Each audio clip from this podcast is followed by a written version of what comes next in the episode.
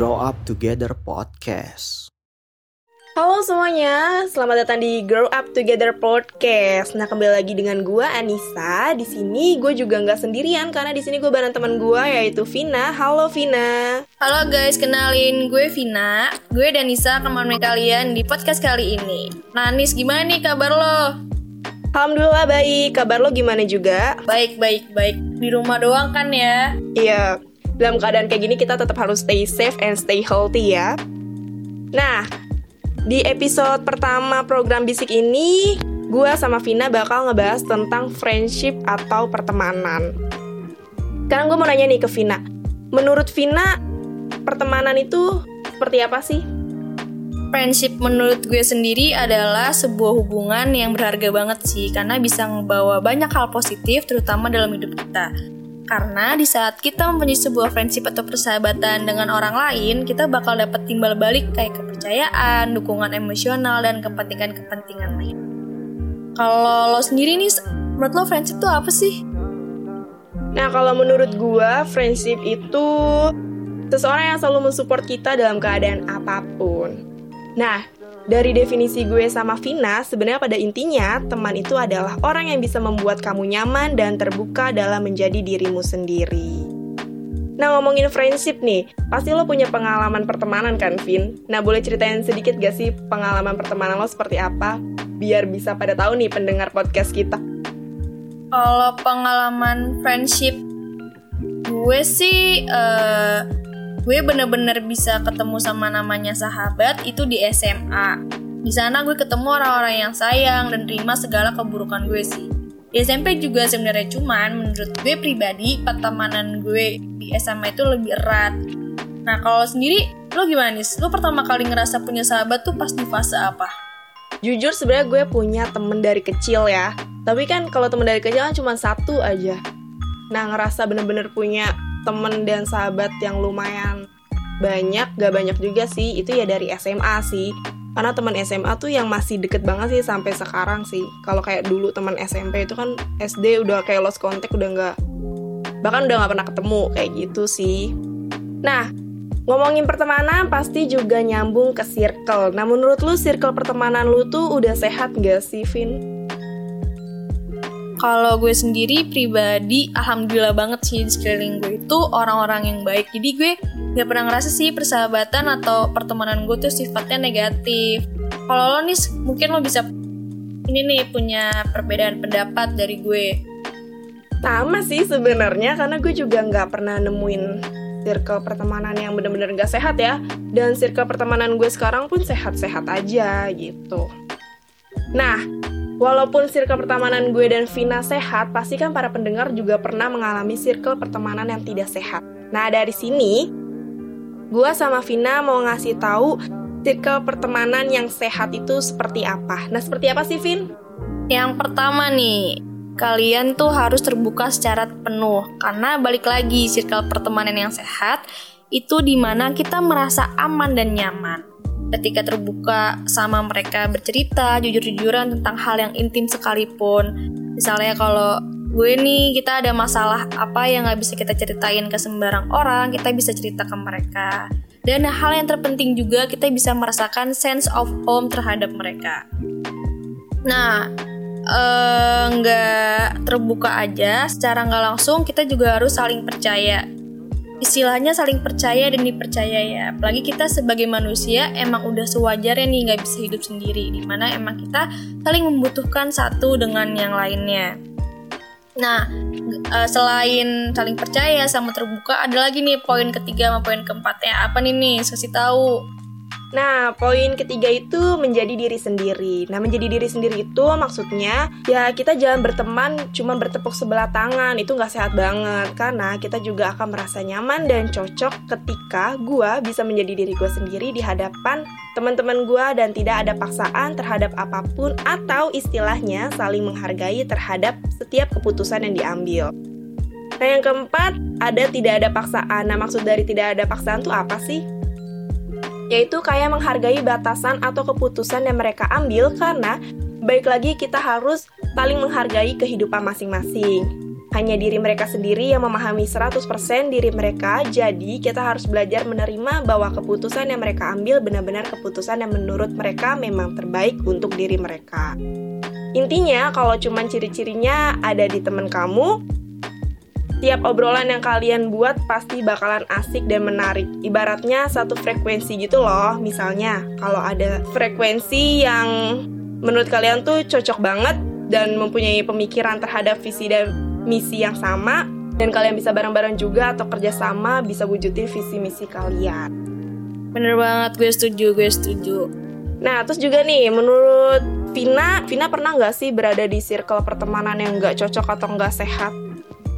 Kalau gue sendiri bukan nggak sehat sih, tapi lebih ke nggak cocok. Tapi bukan berarti kayak uh, gue nggak suka sama orang itu ya, tapi karena emang secara obrolan, secara komunikasi emang gue kurang cocok sama mereka.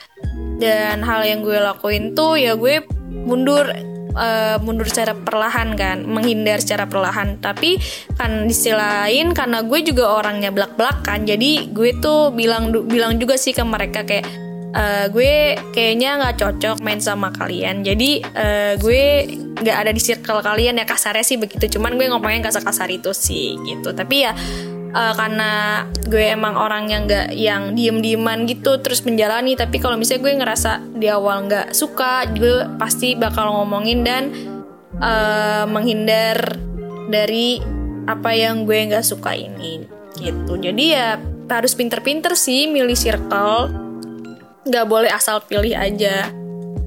Bener banget bener banget. Nah kalau lo sendiri gimana nih? Ya pernah lah pasti. Ya dengan gak kecocokan gue dengan teman-teman gue ini ya gue caranya ya menghindar secara perlahan kayak gitu. Karena kan kayak buat apa sih kita mempertahankan pertemanan yang memang sudah tidak cocok gitu. Malah nanti jatuhnya kalau makin lama kita berteman dengan seseorang yang kita tidak cocok dengan diri kita malah jatuhnya kan jadi circle yang tidak sehat nah sebelum kita memasuki circle yang tidak sehat lebih baik kita mundur alon-alon ya gak? bener banget bener banget nah ngomongin circle yang tidak sehat, pasti para pendengar juga pernah merasakan circle yang tidak sehat ya. Walaupun gue sama Vina belum memasuki ke arah sana. Nah, di sini gue mau ngasih solusi bahwa kalau lo merasa ada circle yang tidak sehat, lo lebih baik perlahan menghilang dan mencoba buat komunikasikan baik-baik sama temen lo bahwa hubungan pertemanan kalian tuh udah gak sehat gitu. Maksudnya nih ya, misal lo udah merasa bahwa masalahnya gak bisa dikomunikasikan baik-baik.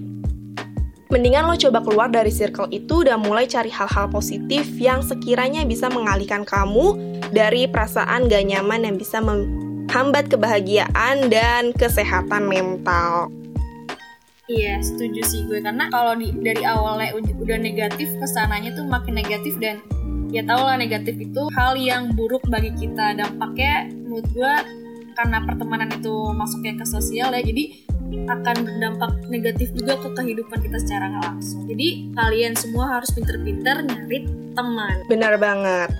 Nah buat Vina sendiri nih di dalam circle pertemanan lo tuh ada berapa orang sih? Biar para pendengar juga pada tahu nih Uh, kalau gue sih sesuai pengalaman ya sebenarnya gue tuh tipe orang yang emang suka itu bergerombol, yang suka itu rame-rame. Tapi ternyata ujung-ujungnya tuh kalau rame-rame gitu malah jadinya tuh kubu dalam kubu dan itu nggak enak banget. Dan gue sadar sih uh, kalau semakin sempit circle pertemanan itu semakin intens hubungan kedekatan kalian. Tapi balik lagi tergantung kalian kalau emang udah saling deket atau saling percaya dan terbuka uh, mau jumlahnya sebanyak member JKT48 sih kayaknya asik-asik aja ya nggak sih Nis? Iya bener banget bener banget. Kalau lo Nis nih, uh, lo tuh circle-nya itu di bawah enam orang atau di atas enam orang sih? Rata-rata berapa tuh uh, member circle lo? Sebenarnya gue tuh orangnya sukanya rame-ramean ya. Dulu aja tuh pas SMA gue tuh bergerombol rame, tapi lama-lama semakin dewasa, gue merasa bahwa uh, lebih sedikit tuh lebih dapet quality time-nya dibanding rame-rame. Malah kadang rame-rame ada yang sibuk main HP sendiri ada yang sibuk ngapain sendiri gitu. Jadi lebih baik sendiri sih ya. Lebih baik kayak dikit aja gitu. Paling gue pertemanan yang gak lebih dari lima lah. Karena kan semakin dewasa semakin sempit circle pertemanannya karena people will come and go tapi ini juga tergantung bagaimana lo menyikapinya apakah lo akan merasa sedih, marah atau di bawah santai aja. Nah, uh, dalam pertemanan juga lebih penting kualitas dibandingkan kuantitas sih emang. Jadi bukanlah sebuah masalah kalau kita cuma punya teman atau sahabat deket tuh 1 sampai dua orang aja karena selama kita nyaman dan bisa menjadi diri sendiri itu udah oke. Semakin dewasa kita menjadi semakin selektif dan semakin pintar untuk mengerti bahwa pertemanan yang sehat itu kayak gimana sih dan apa yang kita butuhkan tuh seperti apa. Bener banget. Nah, di sini kita bakal ngasih tahu ya tips untuk menghilangkan rasa nggak enakan. Nah menurut Vina gimana nih buat poin pertama? Jadi yang pertama, jangan ragu buat bilang tidak karena kita sendiri juga punya kehidupan masing-masing dan prioritas yang harus kita lakukan. Jadi nggak selamanya kita tuh harus selalu membantu mereka. Kita nggak bisa selalu nyenengin hati orang lain kan. Jadi jangan ragu buat bilang enggak. Nah yang kedua apa nih Nis? Nah yang kedua itu uh, ketika kita menolak mereka, kita harus ngasih pengertian dan alasan yang kuat kenapa lo nolak biar mereka nggak salah paham dan bisa mengerti keadaan kita saat itu. Nah yang ketiga apa nih Vin? Nah yang terakhir kalau misalnya teman kamu itu orangnya udah ketergantungan sama kamu, oke okay lah misalnya dia minta bantuan sekali atau dua kali. Tapi kalau misalnya udah berkali-kali, kamu juga harus coba untuk tegas ke mereka. Karena mereka lagi nih, kita juga punya kehidupan dan prioritas kita masing-masing. Nah, segitu tips dari kita. Semoga bermanfaat nih buat kalian yang masih ngerasa buat gak enakan nolak teman. Nah, dalam episode kali ini kita udah bahas banyak nih mengenai friendship, dimulai dari apa itu friendship, bagaimana memilih hubungan pertemanan yang sehat, ciri-ciri pertemanan yang sehat, tips dalam pertemanan, dan lain-lainnya. Intinya, friendship itu adalah hal yang terpenting dalam hidup kita. Kita nggak bisa gitu aja tuh meninggalkan friendship karena emang efeknya besar dalam kehidupan kita. So, semoga sharing-sharing dari kita ini bisa membuat kalian mengerti lebih dalam mengenai friendship. Nah, sekian episode 1 Bisik. Tentunya kita masih punya topik-topik seru lainnya yang mau kita bawain di Bisik. Nah, buat GAP listeners, jangan lupa buat follow Instagramnya Grow Up Together Podcast, yaitu at gaptogether.podcast, dan Instagramnya Grow Up Together, yaitu at gaptogether. Biar kalian bisa mencari tahu informasi-informasi baru dan menarik tentang podcast kita yang bakal kita bawain di Spotify. Sampai jumpa! Bye bye. Thank you guys. Bye.